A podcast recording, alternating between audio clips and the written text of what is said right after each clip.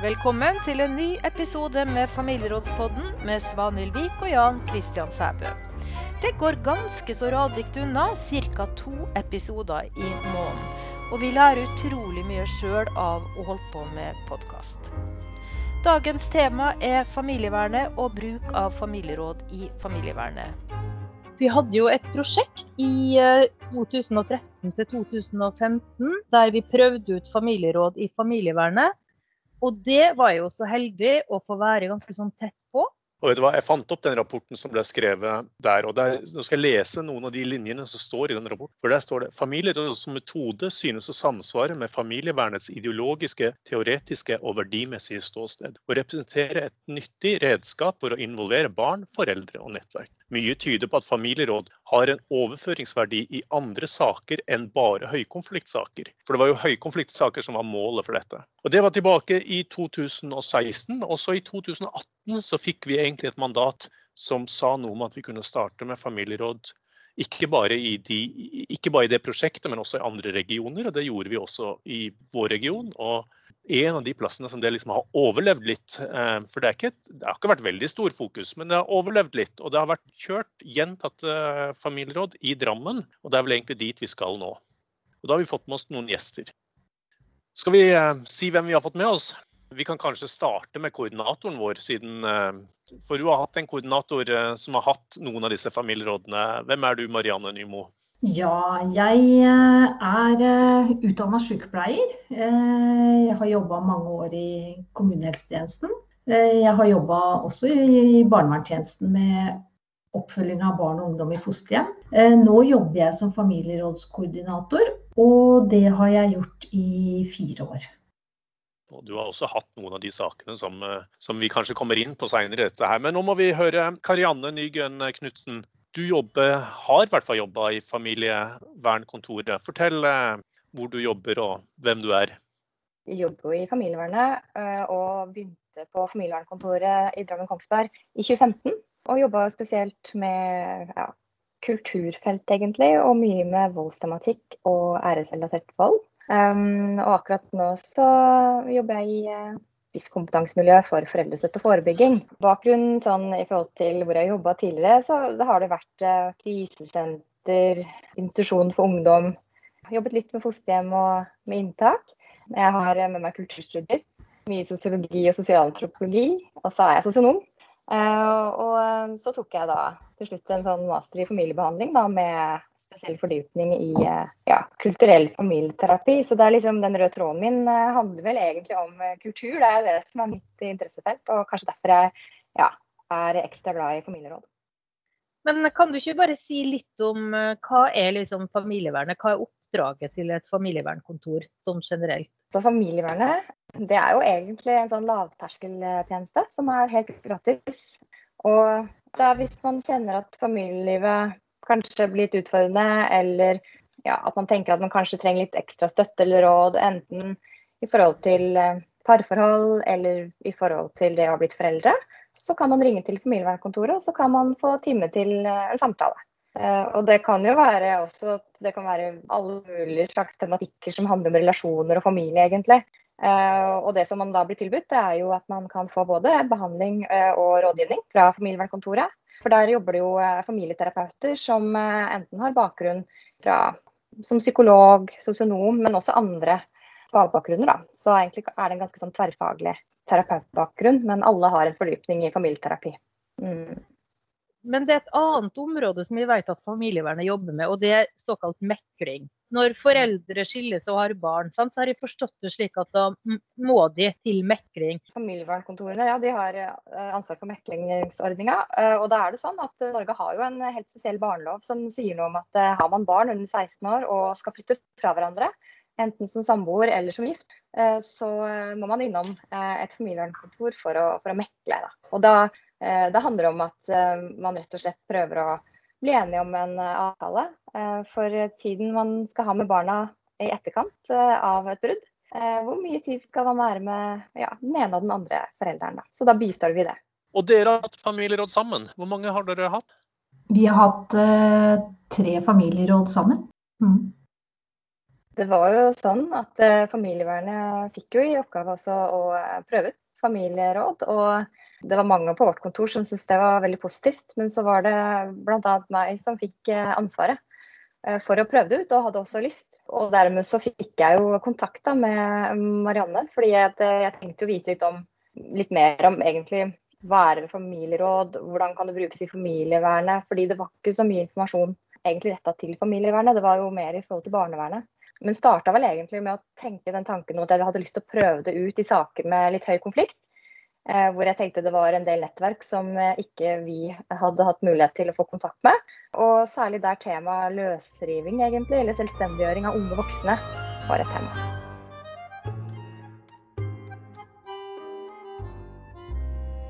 Når du har familieråd i familievernet, hva slags sak, hva slags problematikk er det du eh, liksom har valgt å bruke familieråd i? Kanskje det jeg har prøvd ut på, da, som jeg hadde lyst til å prøve ut på spesielt, det var jo litt som jeg nevnte i stad, den gruppa med unge voksne, 18 25, som ofte ikke har tilbud lenger fra barnevernstjenesten, eh, men som kanskje fortsatt Eller som går til samtaler hos oss da, og og som har det vanskelig i forhold til foreldre som kanskje er i konflikt, eller har en vanskelig relasjon til en av foreldrene sine. Det er liksom den ene gruppa, men i en forlengelse av den gruppa så er det jo klart at jeg var veldig nysgjerrig på om familierådsmodellen kunne brukes godt inn i den tematikken som jeg har jobbet mye med, som handler om um, det med æreskultur. Da. Og um, så for meg at det var, måtte være mulig å kunne tilpasse den familierådsmodellen eller anvende den på en måte som kanskje kunne gi bedre og mer helhetlig også eh, hjelp da, til, eh, til, familier som hadde med seg en annen kulturbakgrunn, eller mer kollektivistisk kulturbakgrunn enn en, eh, det å være født og oppvokst i Norge. Um, og tenke litt annerledes kanskje om både hierarki, eh, roller og systemet innad i familien. Da, på hvem som skal bestemme og ikke. ja, det er mange likhetspunkter med den familieterapeutiske tankegangen og familierådsmodellen. For det er jo man tenker på det helhetlig, og det med sånn systemisk tenkning rundt at man tenker at uh, alle i familien påvirker hverandre, og at problemer ligger ofte litt sånn relasjonelt befesta. Skjer det en bevegelse uh, hos, en, ja, hos, et foreldrepar eller noen andre i familien, så vil det påvirke de resten av familien. Uh, sånn at den tanken med å få liksom, storfamilien mer inn, eller støttepersoner inn, var veldig forenlig med, med, det familievern gjør, ved at vi jobber både med store og små familier. Men har nok hatt en sånn tradisjon for at vi har jo litt begrensa kontorstørrelser. Så det blir fort den, det vi tenker som den norske kjernefamilien som vi har inne hos oss. Men uh, det er jo ofte veldig mange flere. Som uh, er viktig for en familie. Det som er litt annerledes i familievernet og barnevernet, det blir jo på en måte det å lage spørsmål. Hvordan jobber du med å lage spørsmål til disse familierådene? Ja, for det var spennende å, å finne ut av. Fordi um, hvis man skal da, så vi tar en hel familie og jobber gjerne med har kanskje foreldre og barn i rommet på en gang, eh, eller har jo ofte det. Så vi valgte da å, litt sånn som Familierådet har vært barnevernstjeneste, å ha fokus på, på barnets stemme, som her blir den unge voksne. Eh, så dermed så blir det sånn at vi satte oss ned og, og lagde da problemstillinger med den uh, unge voksne. Uh, eller, eller, ungdom, jeg vet ikke hva man skal kalle den gruppa, men det er på den unge voksne her og fant ut av hvor, hvilke spørsmål eh, kunne vært nyttig da, å få liksom, svart på i et familieråd for at utfordringene skulle bli løst. Da. Men hvis jeg får spørre deg, Marianne, er det er, eh, hvordan, Var det forskjell på å jobbe i familieråd med barnevernet og det å jobbe med familieråd opp imot uh, Karianne og familievernkontorene? Jeg syns ikke det er så stor forskjell på å jobbe i barnevernet men det er jo noen forskjeller. Og eh, når vi skulle starte med å eh, jobbe med familievernkontorene, så eh, gikk vi gjennom eh, disse skjemaene som vi har. Skjemaer og avtaler som vi bruker. Hvor det ofte henvises, eller de, alle henvises jo til barnevernstjenesten. Eh, så da hadde vi en gjennomgang hvor vi bytta ut barnevern med familievern. Uh, og så er det jo det informasjonsmaterialet som uh, vi har, da. Det tar utgangspunkt i at familieråd gjennomføres i, barnevernstjenesten. Så der skulle jeg ønske at vi hadde noe nytt som var bedre egnet for familievernkontorene. Vi har nok en utfordring der. Jeg tror både Sanil og meg kjenner litt på den, sammen med de andre regionale koordinatorene.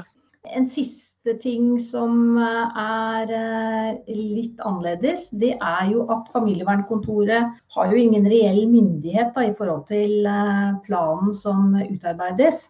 Sånn at hvor barnevernstjenesten de har jo de går jo til slutt inn og godkjenner familiens plan. Uh, mens uh, ja, familievernkontoret kan, jo alltid komme med råd og innspill til planen hvis de er uenige, da. Men jeg har ingen erfaring fra de rådene som jeg har hatt med familievern, at uh, dette har vært viktig for utfallet på møtet. At de ikke har noen reell myndighet da, til å godkjenne eller ikke godkjenne planen. Mm. Jeg tenker jo at Det er det som er den store forskjellen her. Det er liksom den myndigheten barnevernet har til å på en måte signere og godkjenne og si at dette er greit. Og det mm. skal vi si, det slipper alle andre. Mm. Og det er kanskje en frihet å slippe det også.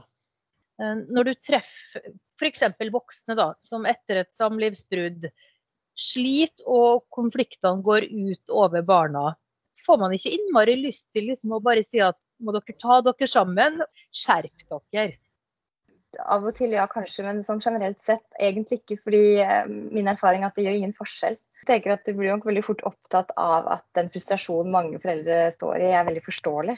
Og at det er liksom det viktigste i livet da, som står på spill, liksom tiden med barna dine. Og du skal liksom prøve å bli enig om noe som du kanskje virkelig mener er viktig, og så er kanskje motparten totalt uenig. da. Eh, så vi er nok veldig lite opptatt av ja, hvem er det som har rett egentlig her. Vi er mer opptatt av at dette er vanskelig for flere, og da er det det vi egentlig snakker om. Det hørtes klokt sagt ut. Hvordan, eh, hvordan var samarbeidet mellom dere to i, i, denne prosessen? For min del da, Marianne, så har det vært utrolig fint. fordi jeg tenker at um, jeg ble veldig raskt kjent med Marianne. For hun var både veldig rolig og trygg og veldig blid og engasjert. Så det var så lett å få tillit. Og det merka jeg også når, eh, når eh, de eh, som møtte henne, da, som jeg skulle presentere at nå kanskje blir familieråd der nå, så fikk, fikk hun nok veldig raskt tillit. Um, men det handler vel om tenker jeg, den roen og kompetansen har til rett og slett å ja, etablere både tillit og det å vise respekt og ydmykhet. Da. Med en gang hun møter noen, selv om ikke, selv om ikke det er noen hun har sett før, så tenker jeg det merker jo, det merker jo familien. da. Det, har betydd alt, for det gjør det så trygt for meg å kunne si at uh, dette her er noe som vi tror virker. I det prosjektet, og det, siden vi fikk følge det veldig tett, så var det veldig interessant at en del av terapeutene innledningsvis tenkte ja, men det med familierådskoordinator, det er egentlig ikke behøvelig, for dette er vi ganske gode til sjøl. Sånn at vi kan egentlig ta den rolla og bytte litt på den rolla. OK, så sa vi ja, men eh, i et prosjekt så følger man metoden. Og så etter prosjektet så kom det jo veldig godt frem at nei, de syntes det var kjempebra med den derre uavhengige personen som, som, kom inn. Det var ikke bare det at det var litt sånn eh, ressursbesparende, men også at det kom noen helt inn fra sidelinja. Sånn at i etterkant så tenkte vi nei, vi tror kanskje at det er lurt med en uavhengig person. Det var det ene som vi syntes var veldig sånn spennende. Og noe annet som vi lærte utrolig mye av i prosjektet med evalueringa, det var jo når forskerne intervjua barn og familier i etterkant, så kom det frem at barn, og her var det kanskje mindre barn da, primært, grudde seg utrolig mye til familierådet. Det var det ene. Og selv om vi syntes vi var gode på forberedelser til familieråd, så grudde de seg uansett. Men de hadde vært i sånne konflikter, og dette var jo ikke barnevernssaker, som var så utrolig krevende, og de var så slitne, og de hadde det så vanskelig. Eh, og jeg tror kanskje også at eh, vi ble litt overraska egentlig hvor ille beskrivelsene var da, for de barna her som hadde stått i disse konfliktene mellom mor og far. Det er slitsomt for eh, en hel familie å ha fastlåste konflikter. For det påvirker jo ofte alle på en eller annen måte. Og jeg tror, sånn som du sier også, at når det kommer en person altså sånn utenfra, ikke sant, hvorfor kan det være viktig? Og tenker jeg, jo, det er ganske viktig, fordi ofte så har også terapeuten blitt litt en del av den familien. da, Fått høre forskjellige versjoner. og jeg kan også snakke for meg sjøl at jeg noen ganger har blitt litt sånn Oi, hva kan vi egentlig gjøre nå? Kanskje man føler at man har prøvd alt. Og, og da har det vært veldig fint å få inn Marianne fra utsiden, som helt på nytt egentlig spør inn til noen helt konkrete problemstillinger som handler om egentlig løsnings, litt sånn løsningsorientert på én side, Eh, samtidig som at hun går inn helt konkret og bygger tillit med hver enkelt person. Og det er så forutsigbart og det er så oversiktlig, fordi strukturen som tilbys, eh, den tenker jeg er veldig tryggende. Det er noen rammer der som, som gjør at alle vet hva som skal skje, alle kjenner rollen sin. Og det er ingenting som noen vil si, da, som gjør at noen liksom tapper ansikt da, eller skal på en måte henges ut. Så det er på en måte hele opplegget er så trygt og på en måte respektfullt, da, er det min erfaring her. Og nettopp det blikket utenfra tror jeg er viktig pga. nettopp det å kunne se ting på en litt ny måte uten at Marianne skal komme med så mye innspill. Men så er hennes posisjon gjør at du snakker med å formidle deg. ikke sant? Litt mer nøytralt ofte, da. Fordi at nå er det, jeg prøver å få fram dette som er viktig for meg for dette møtet ut fra denne bestillingen, ikke alt annet. Da var det akkurat dette her som var viktig. Og det tror jeg gjør at man ofte kommer ganske sånn rett til kjernen da, med hva som føles utfordrende for den unge. Da. Det syns jeg er kjempeviktig. Eh, og det andre poenget som du sa nå om, som gikk på, på med det kan vi ikke bare gjøre det selv. Ikke sant? For det ligner jo litt. altså Den rollen kan ligne litt på hva vi gjør innenpå familievernet, egentlig. Det å koordinere og det å liksom få til løse vanskeligheter eller få til samtale og dialog. Eh, men samtidig så er det noe med det at eh, kapasiteten da, i familievernet for hva som er tenkt, er det at vi jobber jo med bl.a. behandling, men familievernet følger jo ikke opp familier egentlig over lang tid i et behandlende forløp. Det er jo mer en lavterskeltilbud hvor man kommer inn og, og, eh, og får hjelp til problemstillinger. Så du kan ikke drive på en måte behandling eh, sånn som man gjør f.eks. I, eh, i psykiatri eller i andre instanser. Eller oppfølging over lang tid, sånn som kanskje barnevernstjenesten kan gjøre. Men det som jeg tenker er veldig effektivt med, og veldig bra da, med familierådet, er at få henta inn det utvida nettverket da, og hente inn de viktige nøkkelpersonene egentlig i det, denne personens eller dette barnets liv, da, den unges liv, gjør at man får mobilisert noe som man kanskje ikke får gjort ellers da, i uh, familievernet. Nettopp ved å se at oi, der var det kanskje en tante som tilbød seg noe, eller bare det som vi ofte er opptatt av uh, som familieterapeuter, med familiehemmeligheter. Hvordan konflikter ofte kan lage ytterpunkter hvor du får en sånn elefant i rommet som ingen tør å sette ord på, men alle vet at den er der. Og så opplever jeg at den elefanten forsvinner i familierådet, fordi eh, den unge ser plutselig at nå får alle en felles forståelse, en felles informasjon om hva som er viktig for meg, og det er ingen som kan krangle på det egentlig, for det blir stående alene i dette her første, på en måte, den første delen av møtet. Da. Og så, etter at den konteksten da er satt i en slags felles forståelse, så kan man begynne å prøve å løse problemstillingene. Og det tror jeg er helt avgjørende, rett og slett. Hvordan tror dere dette var for disse unge voksne som eh, hadde familieråd? Har dere fått noen tilbakemeldinger, eller? Eh, jeg kan jo godt si noe om én sak. Eh, eller alle saker var jo utgangspunktet at familien egentlig ikke ønska familieråd. Men eh, det var en ungdom som hadde et sterkt ønske om å gjennomføre familieråd. Og da jeg tok runden med hjemmebesøk, så var det veldig negativ innstilling. Og man forsto ikke hvorfor man skulle ha familieråd. Og det som gikk igjen, var det at nei, vi har prøvd alt. Det nytter ikke, det veit vi. I løpet av samtalen da, og med nok informasjon om hva det egentlig innebærer, familieråd, så uh, fikk jeg sånn OK, jeg gir dette en siste sjanse. Jeg tror det at eh, sånn som Karianne også var inne på, den der forutsigbarheten som ligger i at alle veit hva som skal foregå, og i, både i, også i strukturen da, i møtet, så oppleves det trygt på en måte, selv om alle er spent. Og da det ene eh, familierådet var ferdig, eh, så ønska faktisk familien å sitte igjen og prate sammen etter at familierådet var over. Så da reiste Karianne og jeg. Og det ble også da beslutta at de ønska å gjennomføre oppfølgende familieråd.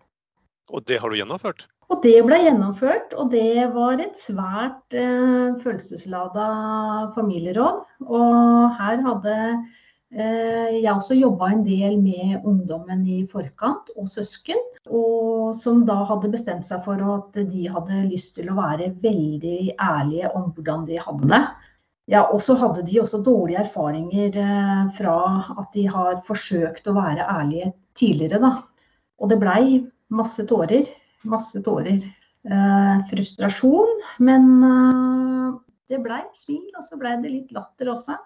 Og det blei lagd både plan, og det blei lagd avtaler for fremtida. Det var et utrolig rørende familieråd. Mm. Ja, fordi det, eh, det, er noe med den der prosessen som setter i gang fra den første telefonen, eh, telefonsamtalen som jeg tar, hvor jeg inviterer meg selv hjem på hjemmebesøk. Og noen ganger så må jeg faktisk sende tekstmelding i forkant for at man vil svare på den telefonen.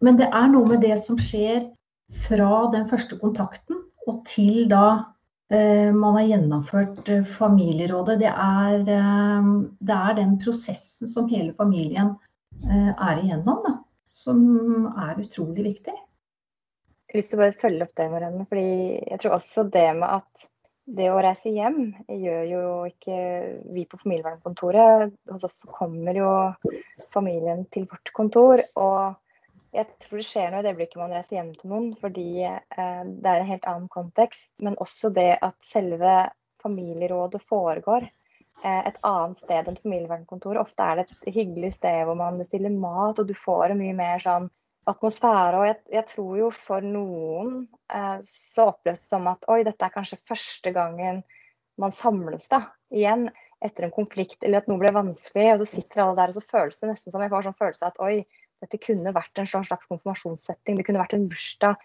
Du får liksom trent på en sånn setting som veldig mange gruer seg for. For det er jo mange som gruer seg for disse her eh, seremoniene, som er sånn konfirmasjon eller bursdag, hvordan skal vi løse det? Så, man får liksom nesten øvd seg litt på det.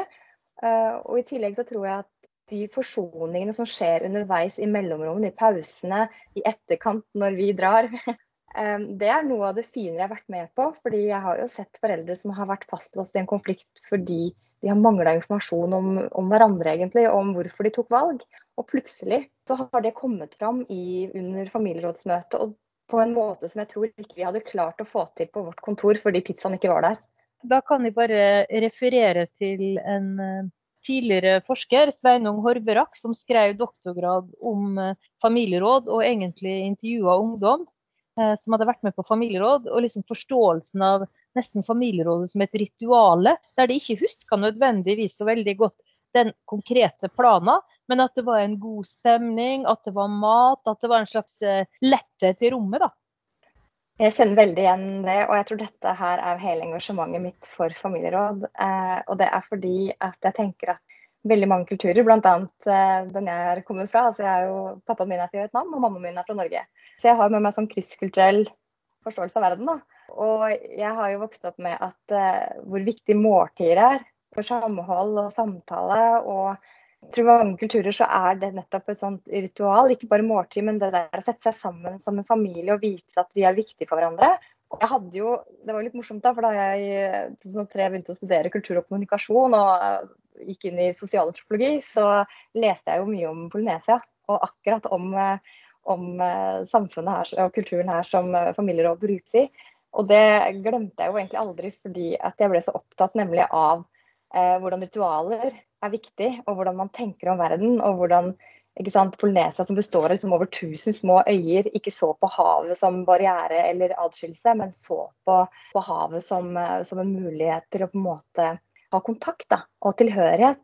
Eh, sånn at jeg tenkte at det var en så, Hele tankegangen um, syns jeg er så spennende. Da, og tilbyr jo på en måte en måte å forstå og tenke på som er litt annerledes kanskje enn en hvordan vi tenker avstand, f.eks. Uh, og de ritualene, da. Jeg, jeg tenker jo ofte at uh, ritual som terapi, da, eller terapi som ritual. Og dermed blir jo, tenker jeg, familieråd et utrolig viktig ritual for en del familier å gå igjennom sammen om noe som er vanskelig, og det felles er at noe har vært vanskelig, og forhåpentligvis da, kanskje man kommer litt ut på andre siden da, med å kjenne at ting er litt lettere, og så ja, blir ting litt annerledes, da. Men når vi har bestilt, bestilt familieråd da, til en familie, som vi kaller det, eh, så har vi jo hatt eh, barnevernstjenesten inne f.eks. som sånn offentlig informant. Da, og eh, si noe om perspektivet til barnevernstjenesten. Og så sier jo kanskje jeg noen ting om perspektivet vårt som fra familievernkontoret. Og ofte så forteller vi forskjellige ting og ser forskjellige ting, men også at vi ser noe av de samme tingene.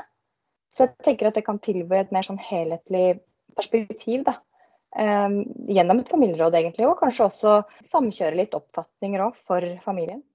Vi møter ofte en sånn påstand om at det er mye arbeid å lage familieråd, og dette er krevende. hvis du skulle ha sånn svart på liksom, hvor mye innsats i forhold til hvor mye fikk du igjen, du, hva tenker du om det? 10% innsats og 110 eh, igjen. kan, kan, du gjenta det en gang til, så jeg er sikker på at alle hører det veldig godt? det, det, er utrolig lite innsats som skal til.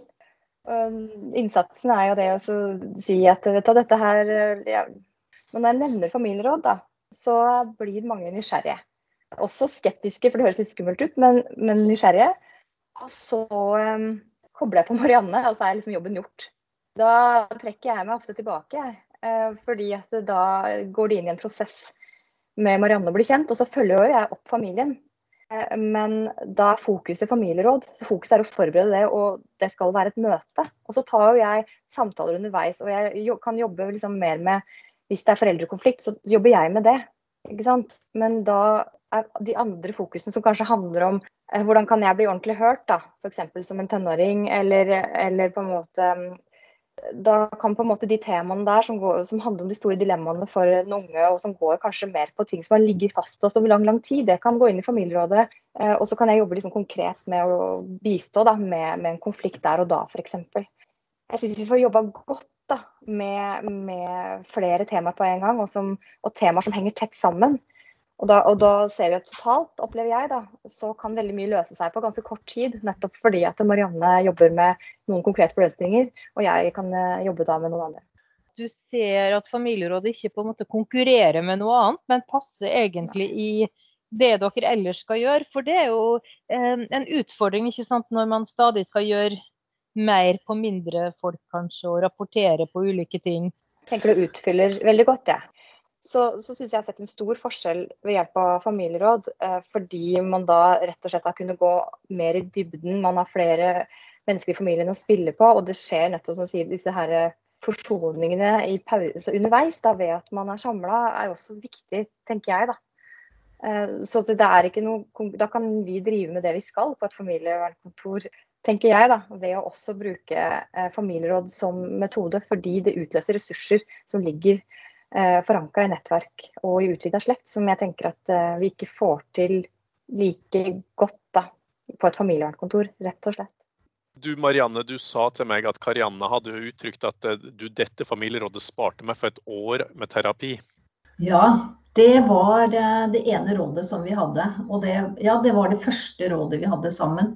For det som skjedde i løpet av det møtet der, det var helt eh, Ja, det var helt eh, fantastisk, egentlig. Hvordan de prata med hverandre og de, eh, hva som skjedde i, sånn som Karianne sier, i pausene innimellom. Eh, og da sa Karianne det at eh, det vi, det vi Altså det familierådet har gjort, eh, den bevegelsen eh, familierådet har oppnådd, det tilsvarer et års arbeid på mitt kontor.